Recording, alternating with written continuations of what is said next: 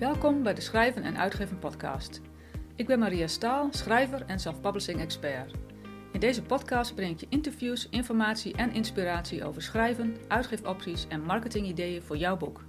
De show notes en nog veel meer vind je op schrijvenenuitgeven.nl. Luister je mee?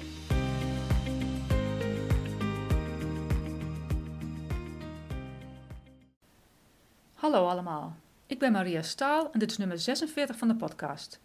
Het is zondag 3 september 2023 als ik dit opneem. In deze aflevering praat ik met Eva Katz.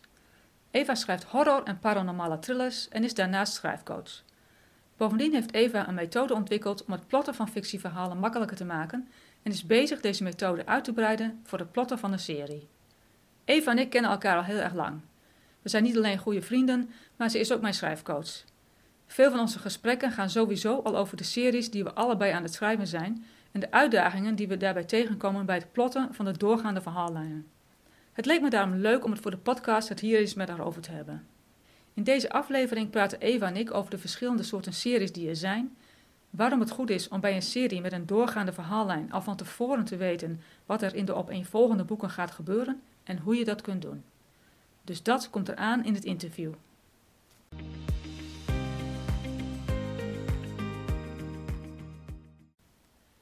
Ik heb maar één nieuwsitem deze keer. Het kan niemand ontgaan zijn dat Twitter is veranderd in X. Eigenlijk was al sinds het begin van de overname door Elon Musk het vermoeden dat er grote veranderingen plaats zouden gaan vinden bij Twitter. Persoonlijk heb ik nooit iets met Twitter gedaan, maar dat neemt niet weg dat de veranderingen ons maar weer eens met de neus op de feiten drukken dat het niet goed is om je hele marketingstrategie af te laten hangen van iets waar je zelf geen controle over hebt. Of zoals Joanna Penn dat onlangs zei in een van haar podcastafleveringen: If something is free, you are the product. Oftewel, als jij het product bent, dan willen ze geld aan je verdienen en heb je zelf geen inspraak over wat er gebeurt. Denk bijvoorbeeld aan de algoritmen die beslissen wat jouw volgers op social media van jou zien. Zelfs al heb je 20.000 volgers op Instagram of 5.000 likes op Facebook, maar een fractie van je fans ziet je berichten. En als een bedrijf overgenomen wordt en er grote veranderingen worden doorgevoerd, zoals nu bij X, dan kun je daar niets aan doen. De enige manier om blijvend in contact te komen met je lezers is via de e-mail. Ik weet dat dit niet iets is wat schrijvers willen horen, maar een mailinglist is echt je belangrijkste marketingstrategie. Dat wil niet zeggen dat je per se een nieuwsbrief moet gaan versturen, maar zorg in elk geval dat je al e-mailadressen gaat verzamelen. Dan kun je later altijd contact opnemen met je fans. Mocht je meer willen weten over het opzetten van een mailinglist, luister dan naar aflevering 31, waarin Petra en ik het er uitgebreid over hebben gehad. Ook op mijn eigen website mariastaal.nl heb ik een groot aantal blogposts staan over dit onderwerp. Ik zal de links in de show notes zetten. Het was kort en krachtig, maar dit was het belangrijkste uitgeefnieuws van augustus. Ik wil jullie bedanken voor de reacties op de podcast en de vorige aflevering met Suzanne Derksen van Kobo Writing Live. Zo schreef Lisanne: Deze podcast vond ik erg leuk en interessant. Suzanne heeft echt passie voor haar vak. Daar ben ik helemaal met je eens. Suzanne heeft passie voor haar vak en weet er ook nog eens erg veel van. Jan vertelde mij dat hij de aflevering met Suzanne erg interessant vond. Al luisterend kwam hij erachter dat er via Kobo Writing Live meer mogelijk was dan hij had gedacht. Voor zijn volgende boeken gaat hij zeker eens een kijkje nemen bij Kobo Writing Live. Ook zag ik dat de uitgever nieuwsite inkt.nl een recensie heeft geschreven over de Schrijven en Uitgeven podcast.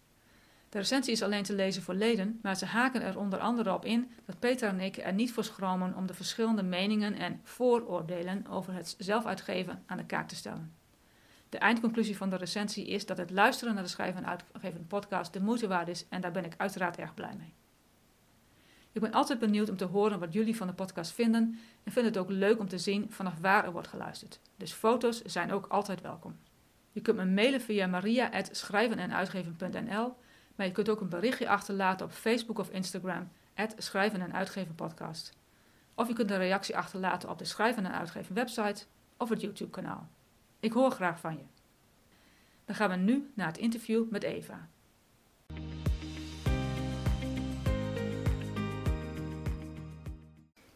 Eva Katz schrijft horror- en paranormale thrillers en is daarnaast schrijfcoach. Ze heeft een methode ontwikkeld om het plotten van fictieverhalen makkelijker te maken en is bezig deze methode uit te breiden voor het plotten van de serie. Ze kan ons daarom alles vertellen over hoe een schrijver kan zorgen dat de serie waar ze mee bezig zijn zo goed wordt dat lezers wel moeten doorlezen.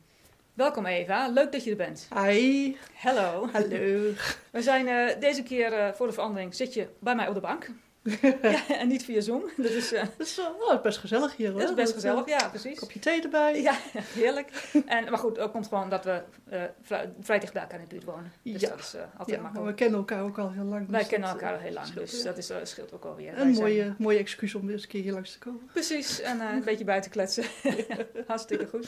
We gaan het vandaag hebben over series, want je bent schrijfcoach. Yes. Maar voordat we dat gaan doen, kun jij in het kort even iets vertellen over jezelf en bijvoorbeeld wat je schrijft? Ja, of, of dat... wa waarom je begon met schrijven? Dat. Ja, dat is een goede vraag eigenlijk. Waarom ben ik begonnen met schrijven? Want ik heb eigenlijk... Ik heb er een tijd over na zitten denken. Want we hadden het hier vaak over natuurlijk. Maar om over jezelf te hebben is niet echt iets wat voor op je tong zit natuurlijk. Maar ik dacht eraan, ik denk, ik heb eigenlijk altijd geschreven. Alleen, ik ben een van die domme mensen die denkt dat als je iets leuks doet, dat je daar je werk niet van kunt maken. Dus ik ben op een gegeven moment gewoon netjes gaan studeren en uh, rechten studeren. En denk van, oh, baan, goed betaald, weet je wel. Je laat je doen wat je zelf wil daarna. En dat ging niet. Op een gegeven moment zit ik met een groepje mensen gewoon in de zaal en denk van... Wauw, dit zijn echt gewoon niet mijn mensen. Sorry, ik vind dit leuk, maar ik moet hier echt weg. en een van de redenen dat ik daar aan dacht, op een gegeven moment ben ik bij een juridisch tijdschrift gaan werken van de universiteit toen ik daar nog was. En ik was degene die de juicy stories schreef. Ik was degene die er een verhaal wou maken. En mensen schreven prachtige juridische conclusies en analyses. Maar ik vond het zo droog. Ik, waarom doe je het niet gewoon iets leuks? Waarom doe je niet iets sappigs? Dan maakte ik verhalen over vrouwen die serial killer werden. Moordwijven noemde ik dan. En iedereen zei, oh dat is leuk. Ik dacht, ja dat is leuk. Op een gegeven moment dacht ik, ja dat is leuk. Maar eigenlijk doe ik dit veel liever dan al die andere rechte dingen. Ja. Dus toen ben ik heel snel overgestapt naar een andere studie, naar Engels. Engelse literatuur. Wauw, dat was een openbaring. Daar waren mensen die ook schreven voor een hobby. En we praten in het Engels, en moet ik er even bij zeggen. Jij weet dat, Maria, natuurlijk, maar je luisteraars niet. Ik schrijf in het Engels. Ja. En dat is gewoon mijn ding. Niet dat ik een hekel heb aan Nederlands, echt niks mis mee. Maar dat voelt gewoon beter voor mij. Ik heb ook altijd veel vrienden gehad die in het Engels praten en ook de buitenlandse vrienden. En dat, dat ging me altijd prima af. Dus op een gegeven moment dacht ik van, als ik nou zou gaan schrijven in het Engels, zou dat kunnen. Dus toen ben ik op een avond gewoon, weet ik veel, middernacht, één uur gewoon met mijn laptopje gaan zitten. Ik denk, nou, dit bedenken, bla bla bla. En op een gegeven moment had ik vier pagina's. Ik denk, dit is een short story in het Engels. Het was natuurlijk helemaal niks. maar dat deed me wel denken van, nou, misschien kan ik dit verder gaan Misschien ontwikkelen. Iets, ja, gaan Ja. doen. Ja. En ik zeg ook eerlijk, ik, daarna ben ik fanfiction gaan schrijven. Je, je kunt er een hekel aan hebben of niet. Voor degenen die dat niet weten, fanfiction is dus ehm schrijfsel. Vaak zijn de tieners, ook oudere mensen, mannen en vrouwen, het, iedereen, maar veel tieners. Die verhalen schrijven over bestaande karakters uit boeken of uit televisieseries. En dat publiceren ze dan, dat mensen op die website, fanfiction website, dat die het kunnen lezen. En daar kun je dan een commentaar op geven. Dus je kunt eigenlijk iets schrijven wat al bestaat. Dus je hoeft minder goed aan het wereldbouwen te denken, worldbuilding. Je vindt het leuk, dus je bent extra gemotiveerd. En je krijgt vaak goede kritiek. Is niet alleen maar positief of negatief. Ik bedoel, je wordt niet afgemaakt of zo. Dus het is een soort veilige stap als je als tiener of als jongvolwassen, of ook ik was volwassen, om het uit te proberen, dat dat gewoon werkt. Dat je daar enthousiast van wordt. Dat je daarna doorgaat naar Ja, je eigen werk. Naar fictie. Ja, Ja. naar fictie. Dus ik heb er massa's van geleerd, ook van de feedback. En je, ontmo- je, ontmoet elkaar niet face-to-face uiteraard. Maar ik kreeg leuke opmerkingen. Ik heb er een hoop van geleerd en op een gegeven moment was ik er klaar mee. Ik denk, Ja. ja. nou ga ik andere dingen doen. Precies. Maar toen ben ik ook... ehm, ik heb eerlijk gezegd nooit mijn studie afgemaakt. Maar dat had een andere reden. Maar ik heb er ook daar mensen ontmoet die ik nu nog steeds mee omga. Die ook schreven. En het idee dat je als schrijver gewoon je, je, je brood kunt verdienen... begon langzamerhand weer vorm aan te nemen. En toen ontmoette ik jou, Ja. Maria. Ja. En jij hebt me massa's geleerd over hoe ik het zelf kon doen. Hoe ik kon, zelf Precies, uit kon ja. geven in mijn eigen beheer. Nou ja, dat was natuurlijk de laatste stap die ik nodig had. Precies. Want je hebt altijd het idee van, oh, uitgeven dit, uitgeven dat, ik haal het nooit, bla bla bla. Maar dit was iets nieuws. Ja. Dus, dus eigenlijk heb ik altijd geschreven, maar het idee dat je daar je werk van kon maken, dat kwam pas veel later. Veel later. Ja. Ja. Hartstikke mooi. Ja, dus mede dankzij jou. Ja, ja, precies. En andersom, eh, ik, ik schreef non-fictie. En jij zei, jij kan ook fictie schrijven. Ja. Dus ik ben dankzij jou fictie gaan schrijven. Cool. Dus dat is, eh, gaat twee kanten op. Ja, en je bent hartstikke goed geworden, dus dat is... eh, Ja, ja. precies. En we zijn, jij bent ook mijn schrijfcoach. Dus dat is, eh, dat is ook erg handig. Want ik kan, zou het niet zonder een schrijfcoach kunnen. Dat is absoluut een feit. Dus, eh, Ja, dankjewel. ja, dus. Ik heb er zelf ook weer heel veel van geleerd, gewoon om er op een andere manier over na te denken. Want je eigen werk, dat zit je ook maar een beetje in een isolatie. Precies. natuurlijk. Ja, nee, dat Ja. klopt. Dat klopt. Dus Dus, en jij bent, de reden dat je hier nu bent, is dat je ook schrijfcoach bent. Eh, je hebt een, eh, eh, wat ik al zei in de intro, een boek ges- geschreven. Samen met, we hebben samen een boek geschreven over fic- Fiction Builder. Over nou ja, het systeem, hoe je een verhaal kunt plotten. Ja. Daar kwamen wij achter toen wij samen gingen werken om mijn fictie te nou ja, ontwikkelen, zeg maar. ja, En je bent nu bezig met een serie aan het plotten. Ik ben ook bezig met het serie aan het plotten. Wat voor soorten series zijn er allemaal? dat is aan de ene kant een hele ingewikkelde vraag, en aan de andere kant een hele makkelijke vraag. Dus dan doen we gewoon de makkelijke helft eerst. Als je het hebt over een serie, en in deze context dan heb je het natuurlijk over een boekenserie. Je gaat naar Bol of Amazon en je ziet deel 1 en 2 en 3 en weet ik veel wat de schrijver ervan gemaakt heeft. Dat als serie en niet bijvoorbeeld wat in de 19e eeuw was populair, dat er in kranten, bijvoorbeeld Charles Dickens publiceerde zijn stories in een krant, in de Strand Magazine. En mensen stonden op de kade gewoon om de nieuwe aflevering te pakken te krijgen. Precies. En dat wordt tegenwoordig wel weer wat populairder. Dat heet, heet meer episodisch, is dat. Ja, serial in het Ja, Engels. Ja, ja, klopt. precies. Klopt. En, maar, dat, maar het zal altijd fringe blijven in vergelijking met de serie, de boekenserie. Zoals, bij, zoals de meeste mensen het kennen. Zoals het een duologie is, dat is twee boeken. Of een trilogie. Of vijf of zeven. Harry Potter. Ja. Ik bedoel, Lord of the Rings trilogie. De, de, de regel van drie boeken is toch wel heel erg aantrekkelijk voor veel. Maar binnen een serie, of het twee boeken zijn of 200, heb je ook weer een hele hoop andere dingen om over na te denken. En dat is denk ik hier erg belangrijk. Ehm, het gaat één om van, wat wil je ermee? Wil je een boek schrijven, over een serie schrijven met karakters die eigenlijk niet veranderen? Dat is bijvoorbeeld een Agatha Christie had dat, die Hercule Poirot, Miss Marple. Elke keer was het een eigen verhaal. Dat heet, in het Engels heet het standalone. Ja. Maar de karakters veranderden eigenlijk niet. Ian Fleming's James Bond, ook zoiets. Veranderde eigenlijk niet veel. Maar als je dat leuk vindt, dan doe je dat. Dan maak je gewoon steeds een nieuw verhaal met dezelfde karakters. En dat is ook een serie. Je kunt er eindeloos mee doorgaan. Veel misdaadseries zijn daar ook op gebaseerd. Je kunt, je kunt wel... Er zijn echt series gewoon van 100 boeken. Een van de bekendere is, moest ik gisteren aan denken, ehm, Sue Crafton. Een misdaadschrijfster, helaas overleden ondertussen. Die in begin jaren 80 dacht, hé, weet je wat? Ik wil een serie gaan schrijven en ik ga gewoon het alfabet noemen. Nemen als template daarvoor. Ja. Dus ik ga boek A en boek B en dan ga ik elke titel begin ik met, met zo'n met een letter van het alfabet. En op een gegeven moment moet ze ook gedacht hebben van weet je wat, ehm, alle letters in het alfabet, hier ga ik een tijdje mee bezig zijn. Dus dat is dan een, iets wat je op je neemt, want je wil je lezer niet teleurstellen. Helaas is zij overleden net voor het laatste boek, dus ze heeft ei geschreven, maar zet nooit meer. Nee. Dus, maar ze heeft er wel 32 jaar over gedaan, dat is super succesvol. Maar je moet van tevoren weten wat je ermee wil. Dat is het belangrijkste, denk ik. Vroeger had je ook, als je bij een uitgever kwam met je manuscriptje, dan werd er gezegd: Ja, dat is een mooi boek, mevrouw. En als het succesvol werd, hebt u nog meer van dat. Ja. Dan kon je vaak meerdere delen schrijven, maar dan moest je wel zorgen dat je eerste boek ook alleen gelezen kon worden, dat het een standalone was. Maar tegenwoordig is dat niet meer. Nee. Als je het zelf uit wil geven, jij bent de baas. Ik denk dat veel zel- zelfpappers, eh, dat doordat de eh, zelfpappers zijn, mensen zelf gaan, zijn gaan uitgeven, dat de serie weer populairder is geworden. Met name ook met doorgaande verhaallijnen. Ja, zeker. Ja. Want het binge-watchen is natuurlijk ook van toepassing op boeken. Boeken, ja. Als er zeven boeken zijn van de serie en je kunt ze allemaal online kopen, in tegenstelling tot een boekwinkel die vaak niet de eerste delen hebben, die je dan moet bestellen, Ja. dan is dat wel heel verleidend natuurlijk. Precies. Je kunt ze allemaal achter elkaar, je kunt iedereen zijn eigen smaak. Sommige mensen vinden standalones leuker, maar als je series wilt, dan zit je in de goede tijd en de goede plaats inderdaad. Precies, precies. Maar wat ik net zei van, dat het be- belangrijkste is dat wat jij wil. Als jij je karakters wel een ontwikkeling wil geven, dan ga je ook moeten plotten. Ja, want, da- want dan, dan moet je erover na gaan denken Ja. van tevoren. Ja. Dat tenminste, dat denk ik. Jazeker wel, want ik heb toch zowel in boeken als televisieseries toch wel voorbeelden gezien waar niet geplot werd.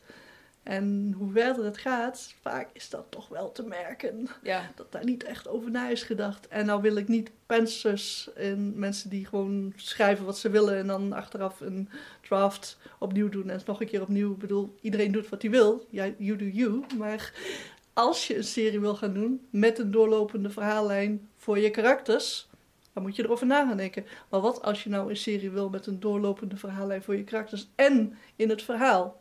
Oftewel, boek 1 is niet het einde van het verhaal, boek 2 ook niet, en misschien boek 3 of misschien zelfs daarna nog niet.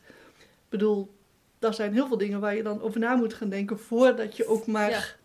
een plot gaat bedenken. precies. Want als je het eenmaal bedacht hebt, dan zit je aan iets vast. Zeker als je het al boek 1 geschreven hebt, dan moet je daar heel van goede huizen komen om dat nog aan te kunnen Om passen. dat recht te breien. Ja. Ja. Ja, precies. En dus je kunt het steeds een stap omhoog doen eigenlijk, meer gecompliceerder maken.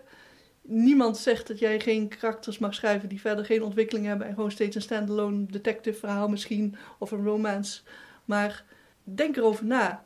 En dan kun je verder gaan kijken, oh, ik wil, ik ben dus zelf met een serie bezig die zowel een, de karakters maken een ontwikkeling door en er komt eh, na verloop van tijd een echte verhaallijn in die wel doorzet Ja. van boek naar boek. Maar dan dus moet je weer de volgende beslissing nemen. Is dat echt één doorlopend verhaal? Of zijn het losse verhalen waar iets achter zit wat later een doorlopend verhaal blijkt te zijn? Ja, ja, De volgende stap.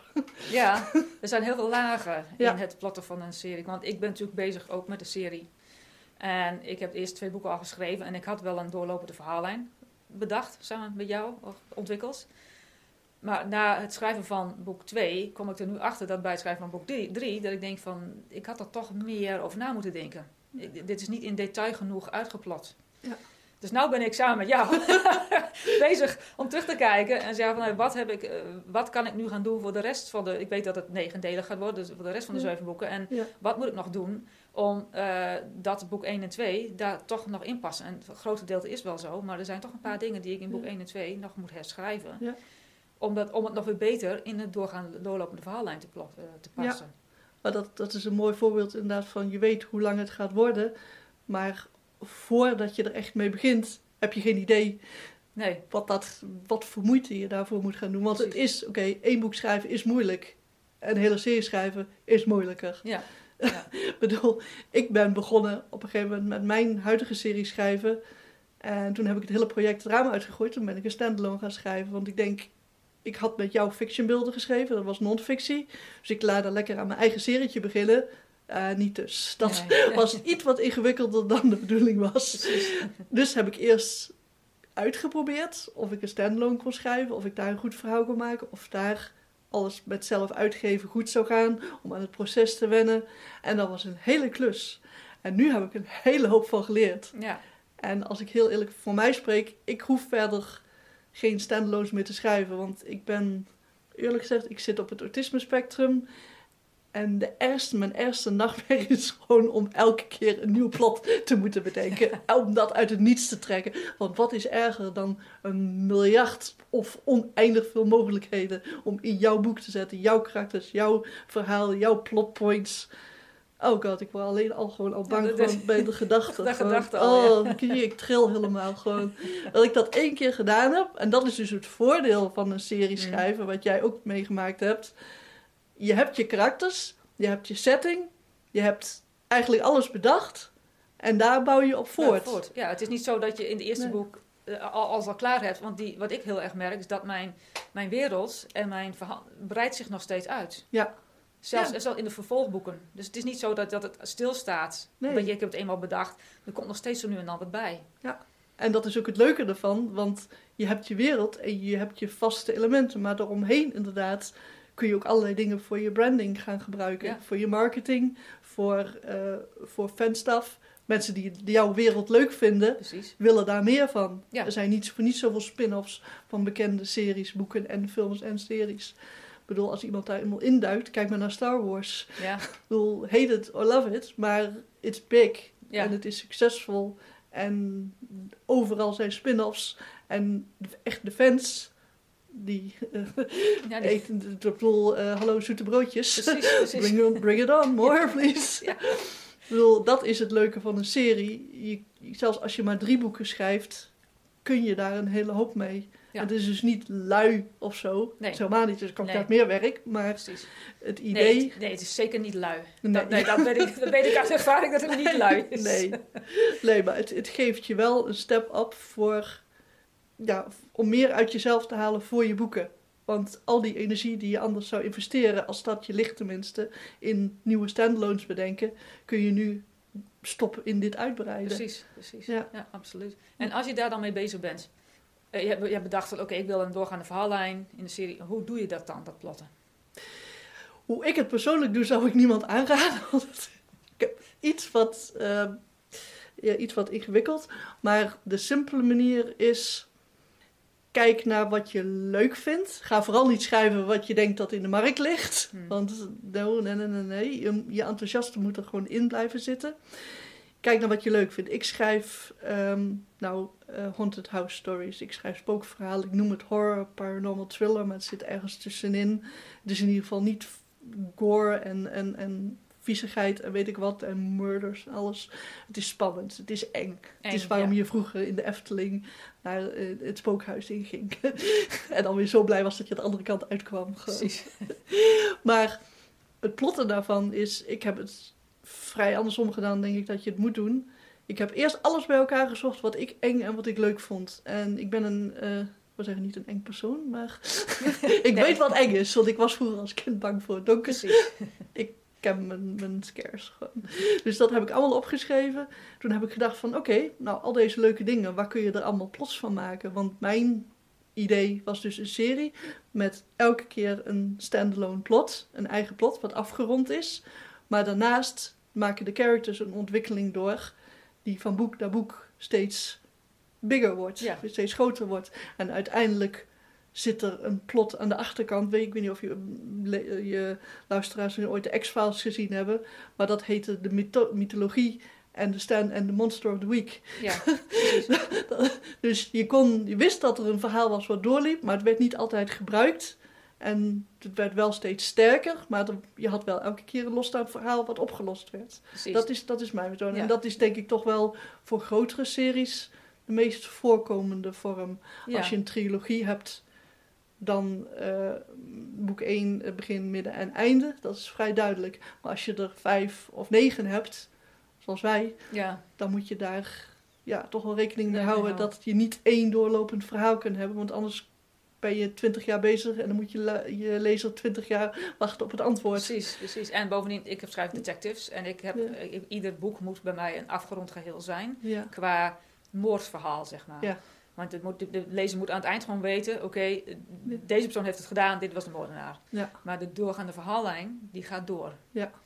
Dus dat is, ja, en, en dat, is- ik heb dat in het begin ja, over nagedacht. Mhm. En uiteindelijk dacht ik dat ik het lelijk aardig, aard- aardig had uitgeplot, eh, over negen delen. Het verhaal, maar nu ik er in detail aan het kijken ben, is dat dus niet zo. Ja. En dus moet ik toch gaan kijken hoe ik dat ga terug, meer, meer nog in detail ga uitplotten. ja dat, is, dat is een hoop werk, want je moet echt elk detail zelf bedenken. Ja, En elke vraag anticiperen die je lezer gaat hebben, vooral als het wat ingewikkelder is. Ik bedoel, achtergrond bij een moordverhaal, eh, backstory bij een romance, eh, technische onderdelen in sci-fi misschien, of, of wetenschappelijke onderdelen. Maar wat ik dan gedaan heb, is gewoon, ik pakte alles wat ik leuk vond, daar heb ik verhaaltjes van gemaakt. En mijn characters begonnen te ontwikkelen. De persoonlijkheden, daar heb ik lang aan geschroefd. Want ik wou, ik wou ze echt heel erg graag gewoon kennen. ja, Dat was belangrijk. Het enthousiasme erin houden vond ik een van de belangrijkste dingen. Ook al plot ik twee jaar lang. Zodra ik ze niet meer leuk vind, weet ik dat de lezer het ook niet leuk Nee. vindt. Zelden met verhaallijnen, zelfs losstaande verhaallijnen. Als ik het niet leuk vond, als ik er zoiets had van ja, dat doe ik later wel een keer. Oh, dat is boek toch boek 5, weet ik veel, daar kom ik wel aan. Dan weet ik zeker dat mijn lezer het ook niet leuk gaat Nee, vinden. Dus overal is like 500% enthousiasme voor nodig. Maar nadat ik die losse verhaaltjes had bedacht, heb ik dus de characters bedacht. En hoe ze verder, zich verder konden ontwikkelen, wat hun achtergrond was, alles wat erbij kon kijken. En dat is dus heel lastig, maar op een gegeven moment heb ik die twee in elkaar geschoven. Ja, en je zeg- kan, dan kan je dus zien dat, dat plotten en worldbuilding, characterbuilding hand in hand gaat. Ja, Dat zijn een geen losse goeie- dingen. Dat zijn ja. geen losse dingen. Dat is een hele goede opmerking. Ja. Precies. Je kunt ook bijvoorbeeld. Mijn boeken spelen zich af in het verleden, in verschillende tijden in Londen, in Engeland. Maar ik kan twintig jaar besteden aan Londen gaan researchen. Maar dat doe ik ook niet, want dat is niet een, een toegankelijk onderdeel van worldbuilding voor je plotten, want dan kun je wel bezig blijven. Ja. Dus ik kijk eerst wat ik graag wil, wat, wat is spannend, wat is mijn publiek. Mijn publiek, ik wil horror schrijven, zij willen horror lezen, zij willen over ghost houses lezen. Ik wil dat, ik vind dat leuk. Let's do ghost, ghost houses. Ja. Dus, en om daarna de karakters erin te schuiven, dan moest je wel weer de worldbuilding aanpassen op de characters en de stories op de characters. ja, ja. En zo heb ik de hele tijd dus een soort raar soort Tetris-spel gewoon om het goed bij elkaar te krijgen. Maar daardoor kreeg ik ook weer ideeën af en toe. Dus het moest, op elkaar, het moest bij elkaar passen. Ik bedoel, als er een boek is waar ze mijn characters behoorlijk... Er zit een romance line in. romantiek line in.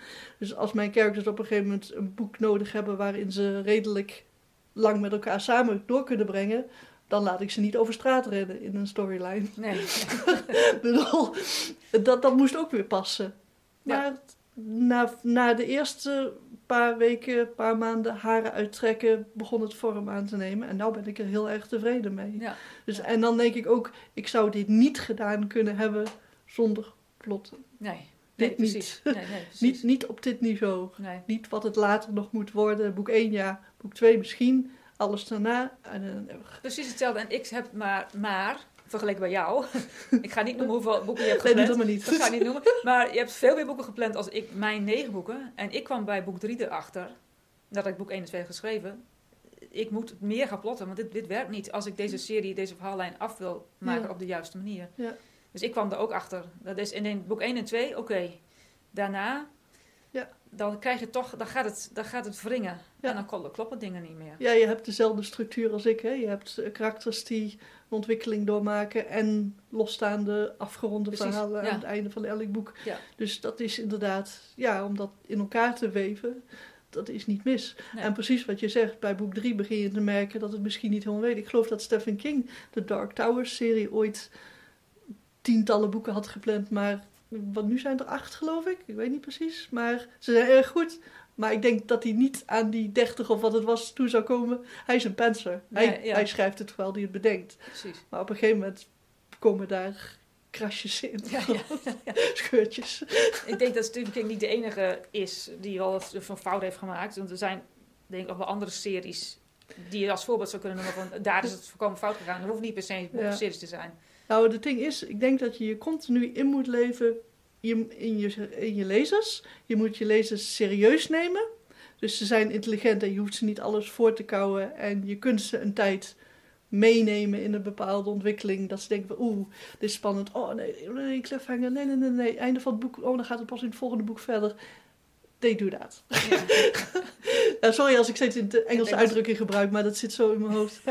Ehm, nee, ik kan wel een voorbeeld bedenken. Ik zal de naam niet noemen, maar het ging over een politieserie. Het was een televisieserie, maar het is vergelijkbaar met dit. Er is zes seizoenen doorgegaan. Je mag de naam wel noemen hoor. Ja, maar mensen die het nog niet gezien hebben, zou misschien... Oh ja, spoilers. Ja, oké. Ja. Nee, nee, nee, doe dat Ja. maar niet. Ja, nee. In ieder geval, het ging over een politieserie. Er werden inderdaad per aflevering werd een zaak behandeld. Eh, dus je kon het ook gewoon loskijken zonder het achtergrondverhaal. Maar dat wordt toch wel belangrijk op een gegeven moment. Maar uiteindelijk toen de monsterachtige serial killer die de detective achterna zat on- onthuld werd. Na zes seizoenen bleek het iemand te zijn die eigenlijk niemand zich echt herinnerde. Ja. Oftewel, de spanning was opgevoerd en opgevoerd en opgevoerd. Maar de climax was... Ja, ja, dat was nogal een wet blanket. Ja, om het goed uit te drukken. Ja, ik, had, ik, ik weet over welke serie je het hebt. En ik, was, ik hou erg van detective series. Ik vond hem ook heel erg leuk. Maar dit laatste seizoen was echt dat ik denk van wow, nee. Ja, oh, nee, Ja. nee, maar ik heb, ik heb die serie dus zelf alleen maar een begin van gezien. Mijn man houdt niet van standalone serie-aflevering. Vindt hij niet spannend goed, maar los daarvan. Ik keek er ook niet meer naar. Maar toen het af was, hoorde ik bepaalde geluiden. Dus toen ben ik het gaan researchen, gewoon puur om te kijken van... Oké, ik doe een lange serie. Wat doe ik wel, wat doe ik niet? Want ik weet niet alles. Ik heb nog nooit een serie geschreven. Ik, doe, ik probeer het ook maar gewoon voor het eerst. Maar er bleken een hele hoop dingen te zijn die gewoon tried and tested zijn. Ehm, technieken die uitgeprobeerd zijn, fouten die gemaakt zijn. Ik denk van, ga dat lekker researchen. Ga eens kijken wat werkt en wat werkt niet. niet ja. Wat werkt voor jou? Ik bedoel, jij moet ook wel opgemerkt op een gegeven moment van... Oké, ik vond dit leuk, maar nu vind ik het niet meer leuk. Waarom is dat? En op een gegeven moment dan krijg je toch wel door hoe bepaalde technieken werken. En die kun je in je boek zetten. En dat betekent niet dat dat schrijftechnieken zijn die jou in harnassen of op een of andere manier in een keurslijf zetten van dat moet je doen en dat zijn de regels en dat mag je niet. Nee, het is gewoon, het, je maakt een product, een boek, een serie, een film. Het komt over op je lezers of je kijkers en het werkt of het werkt niet. Maar er zijn wel redenen voor en die kun je achterhalen.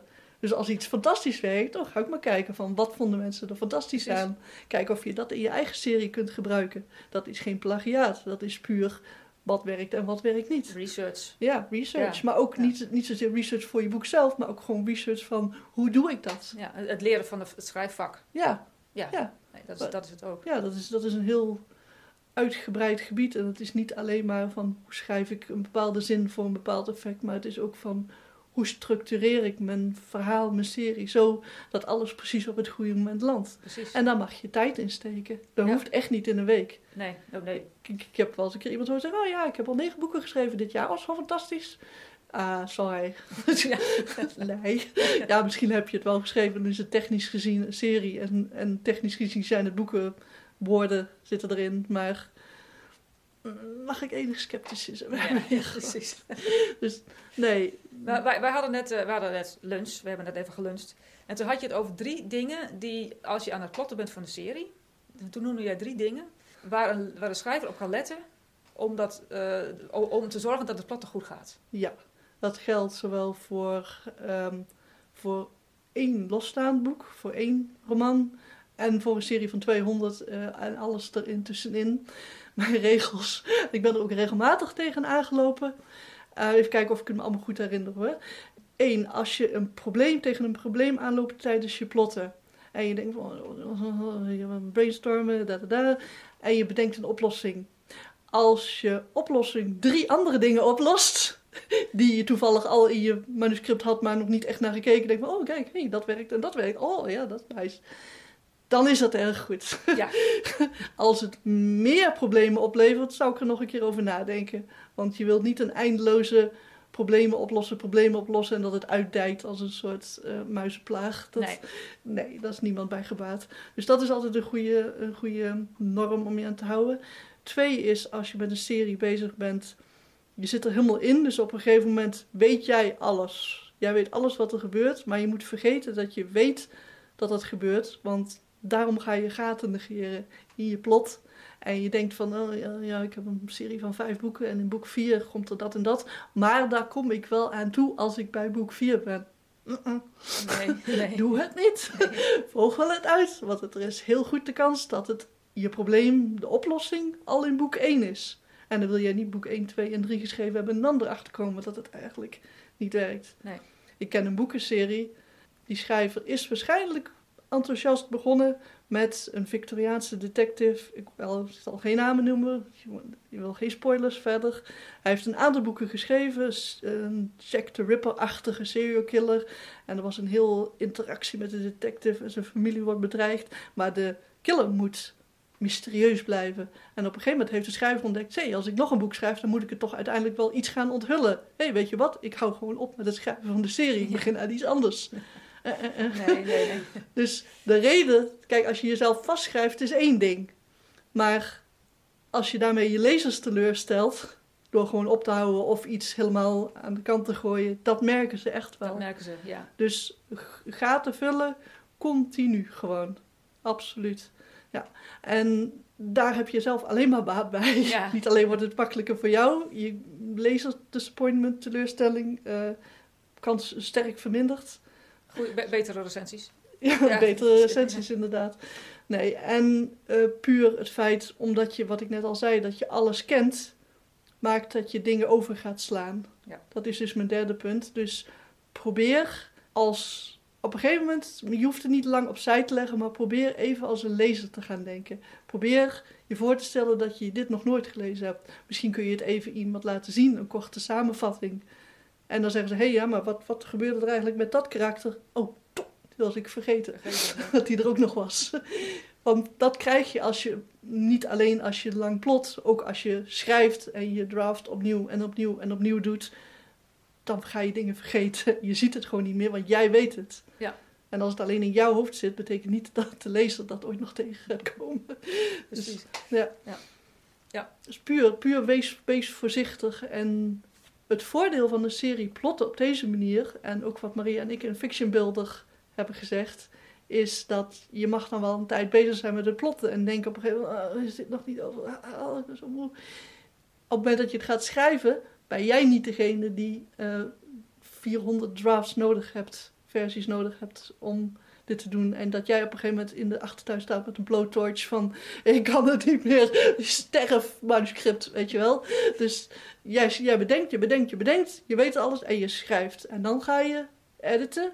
Maar dat is niet zo'n dodelijk proces als dat je al zoveel drafts hebt gedaan. Nee, nee dat, weet Gegarandeerd. ik, dat weten, we, weten we allebei uit ervaring. Ja. Want daar sneuvelen manuscripten op. Niet Mm. op het plotten of op het bedenken, maar de uitvoering. En ik kan het niet, ik heb het nooit gekund en ik ben geen schrijver. Ik ga weer terug naar, weet ik wat, Ja. accountant zijn. Don't do it, want het is niet nodig. Nee, Nee. Het antwoord is plotten. precies. Ja. ja absoluut. Ja. En we gaan er nog een boek over schrijven, jij We gaan, nog, ja, we gaan nog een vervolg maken op Fiction Builders. Dit dit- dit is Zo, een fiction sowieso. builder, fiction builder voor series. Absoluut. Ja. En dan niet noodzakelijk het waanzinnige project wat ik mee bezig ben, maar meer genuanceerd. Precies. Maar wel ongeveer hetzelfde, want we weten ondertussen waar we mee bezig zijn. Ja, we, Ja. Weten, we weten wat werkt en wat niet Ja. werkt. Ja. En eh, ja, dat, hopelijk kunnen andere mensen daar ook van leren. Ja, want jij hebt uiteindelijk, je bedoel, ik heb nog geen serie gepubliceerd, ik ben er alleen nog maar mee bezig. Maar jij hebt al boeken uitgebracht, maar je bent nu aan het rebranden. Ja. Dus dat is ook belangrijk natuurlijk, want Precies. wat van jou was al goed, maar het gaat alleen maar beter worden.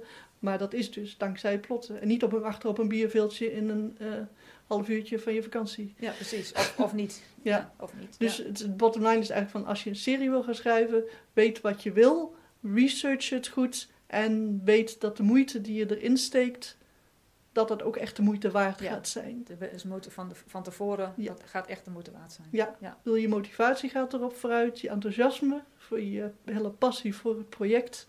En als je het uiteindelijk schrijft en je hebt het heel snel geschreven, omdat je gewoon weet wat je wil, dan heb je bonus. Precies. Ja. En bovendien zal de lezer daar ook blij van worden als Ja. als goede boeken krijgt iedere keer. Ja. Ja, met een fantastische doorgaande verhaallijnen en alles. Ja. Waar alles gewoon klopt. Yes. Ja. En geen gaten erin. Geen gaten erin. En spannend. Precies. En ik, ik, als er nou luisteraars zijn die denken van... oké, ja, ik ben een serie aan het schrijven... en ik weet niet hoe ik moet plotten. eh, Waar, als ze hulp zouden willen hebben, bij wie zouden ze dan moeten zijn?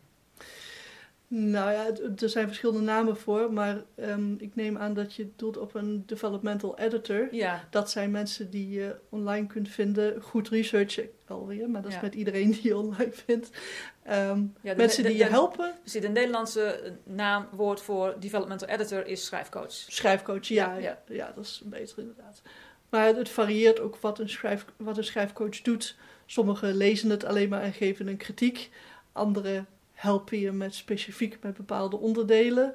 Of in een bepaald genre. Want dan moet je ook altijd even kijken van welke...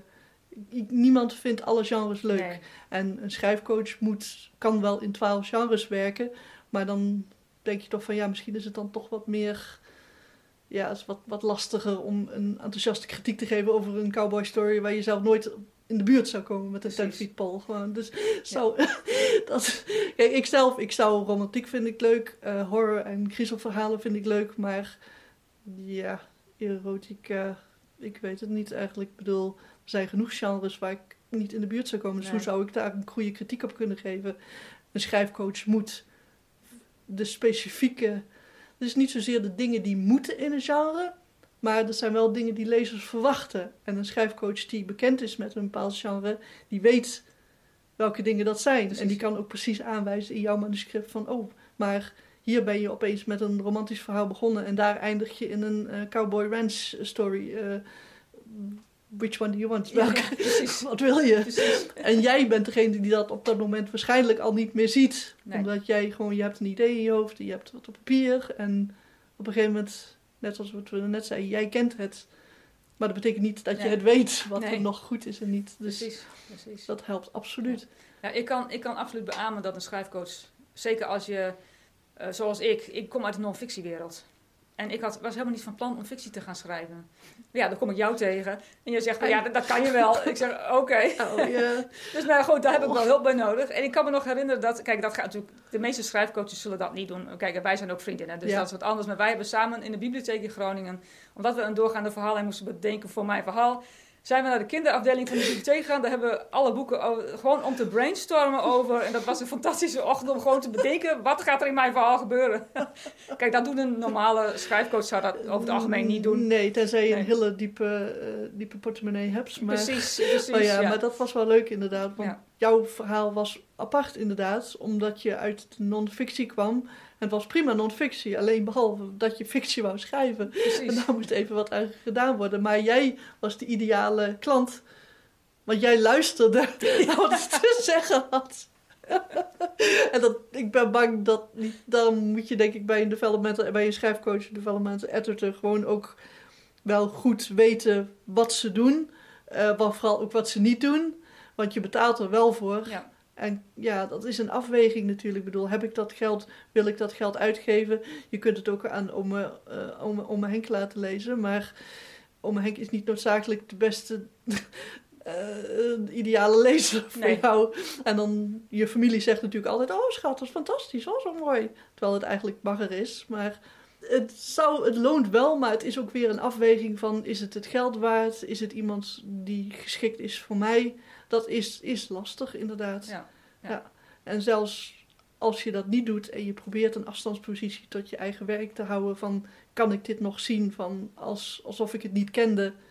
Ja, op een gegeven moment wordt het toch heel lastig en ja, Ja, dat- wel Op niet. een gegeven moment wil dat niet meer. Nee, Nee. dat klopt. Nee. Nee. Nee. Nee, ik kan het alleen maar aanraden om, voor mensen als die dat echt willen en die vastlopen. Met name als je, als je denkt van ik loop vast in mijn serie of ik, ik, ik, ik heb een, een writersblok, whatever.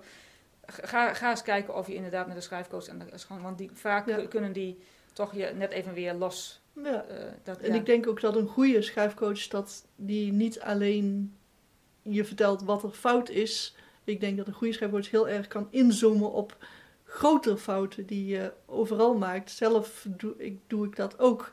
Ik ga niet mensen wijzen op van dat is DT, dat is verkeerd, daar moet een, eh, een ander woord voor staan. Dat zoeken ze zelf maar uit. Het gaat erom van als jij niet weet wat het verschil is tussen show en tell, een term, dan kan ik je dat uitleggen en dan heb je gelijk ongeveer 50% van je manuscript. Want als je dat niet weet, dan doe je dat heel vaak verkeerd. Precies. En als ik je dan uitleg, oké, dat zo werkt dat, dan denk jij, oh oké. Dus als ik dit verander en dat verander en dat verander en dat verander, dan scheelt me een hoop 100 euro. Want als mijn schrijfcoach dat allemaal los had aangewezen, dan was ik wel een paar uur bezig geweest. Maar nu zie ik dat ik dat verkeerd doe. Nu heeft ze me dat uitgelegd, dus ik ga het wel proberen. Ja, hartstikke goed. Yes. Nou, ik denk eh, dat het erg interessant is om, om een eh, serie te gaan schrijven. Ik weet, denk dat er veel schrij- eh, schrijvers zijn, luisteraars zijn die die serie schrijven. Ik hoop niet dat ik ze minder enthousiast gemaakt heb nu door te zeggen dat het gewoon ingewikkeld is. Maar dat, Nee, vast niet. Nee. dit is, a- it's a lot of work, Ja. maar het loont. Het loont. Dat In is zoveel Ja. manieren gewoon. Ja, absoluut. Oh, mag ik nog wel eens wel wat over zeggen trouwens? Want ik, een serie schrijven is één ding, maar een serie eindigen Ja, is natuurlijk weer iets heel anders. ja. Mijn serie gaat uit verschillende onderdelen bestaan en ieder onderdeel. Ik ga nu alvast incalculeren dat stel je voor dat het niet werkt, dat ik het af kan ronden zonder mijn lezer teleur te stellen. Ja. Maar wel dat ik in ieder geval kan anticiperen door het plotten dat als ik een einde moet veranderen, dat ik dat op tijd kan doen. precies. Bijvoorbeeld twee of drie boeken van tevoren ligt eraan hoe groot je serie is. Maar als je een trilogie schrijft, dan ga je van begin tot einde. Dan ga je er full in natuurlijk. Ja. Want dat ga je niet op twee boeken opeens wegdoen. Nee. Zelfs niet als het niet succesvol zou zijn. Dan maak je drie erbij en dan zorg je dat het zo goed mogelijk eindigt. Maar als je een langere serie schrijft, hoe langer, hoe meer je in moet bouwen dat Dat- je misschien halverwege dingen moet veranderen. Ja, of gaat stoppen, of... Ja, Precies. Ja. Ja, dat van Sue Crafton, dan maakten wij dan straks de grap van... zij is overleden voor ze het laatste boek kon schrijven. Maar nou ja, niemand weet wat ze daarmee had gewild als ze überhaupt een plan had. Wij plotten, als wij nu doodgaan, dan weet iedereen tenminste wat we wouden schrijven. Precies. dan, eh, dan gooien ze dat in chat, chat GPT en dan maken ze gewoon een boek van. cool. Royalties voor onze begrafenis. Ja, precies. Oké, jokes aside. maar- precies. Ja, nee, dat, eh, dat, dat, is, dat is inderdaad een hele goede. Je moet ook weten hoe het moet, aan- serie moet eindigen. Ja, Ja, dat is- absoluut. ja. Eh, nou, dankjewel voor dit. Eh, kun je nog even iets vertellen over waar mensen je, jou kunnen vinden? ehm, en, en, nou ja. Ja, ehm, deze idioot heeft vorig jaar bedacht om alles te gaan rebranden. Dus website, een heleboel. En dus dat ligt... En toen gebeurde er van allerlei andere dingen, live stuff. Dus dat ligt nu helemaal plat. Sorry, Met woorden, website. je hebt geen website. Ik heb geen website. eh, maar mijn boeken kunnen wel gevonden worden van eh, Canada tot Azië, denk ik. Eh Bol, Amazon, Kobo. Ja. En, We hebben, wij, wij hebben samen fictionbeelden geschreven onder, onder jouw naam Uiteraard. Eva Katz en Maria Staal. En je hebt Dark geschreven, dat is een horrorverhaal onder GB Katz. ja, dat is dan mijn horrorschrijver Ja, eh, naam. GB Katz. Ja, klopt. Yes. Dus Eva Katz en GB Katz. Ja, precies. En daar ben ik ook gewoon mee te vinden. Dus ga, ga kijken. Ga kijken. ja, precies. En ons boek van Fiction Builder, wat je net zei natuurlijk, hebben we samen geschreven. Dat was onze eerste, onze eerste samen project. Ja, en dat is gelukt. Ja, dat is fantastisch Dat is gelukt. gelukt. Dus daar gaan we nog op doordoen. Ja. Dus er komt absoluut nog meer. ehm, alleen helaas eventjes Niet op dit moment. niet Ja, op dit moment. Dat geeft verder ook niks. Nee. Eh, hartelijk dank voor dit gesprek. Het was erg interessant. Yes, was leuk. Graag gedaan.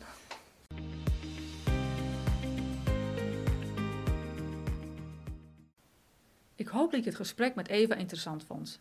Het schrijven van de serie kan een uitdaging zijn, vooral als je een doorgaande verhaallijn hebt.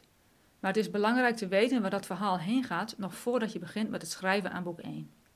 Weet ook dat uit de verkoopcijfers blijkt dat fictieseries goed verkopen. Dus schrijf je genrefictie, zoals romance, fantasy, detective, thrillers en dergelijke, ga dan overwegen om een serie te schrijven. Je lezers gaan zich hechten aan de personages en willen graag meer over ze lezen. De volgende keer ga ik in gesprek met Joris van Leeuwen. Joris schrijft horror en andere spannende verhalen onder zijn pseudoniem Jay Sharp. Hij is ook de medeoprichter van Cutting Edge Studio, een platform voor schrijvers die op zoek zijn naar diensten als coverontwerp, boektrailers en redactie. Met Joris heb ik het over het zichtbaar maken van je boeken en waarom Nederlandstalige zelfpappers veel kunnen leren van hun Engelstalige collega's. In de tussentijd veel plezier met het schrijven en uitgeven en tot de volgende keer. Bedankt voor het luisteren. Ik hoop dat je het leerzaam vond. Eerdere afleveringen en show notes kun je vinden via schrijvenenuitgeven.nl. Hier vind je ook de uitgetypte versies van de interviews. Wil je in contact komen of heb je een vraag? Stuur me dan een berichtje via Facebook of Instagram, schrijven en uitgeven podcast. Tot de volgende keer.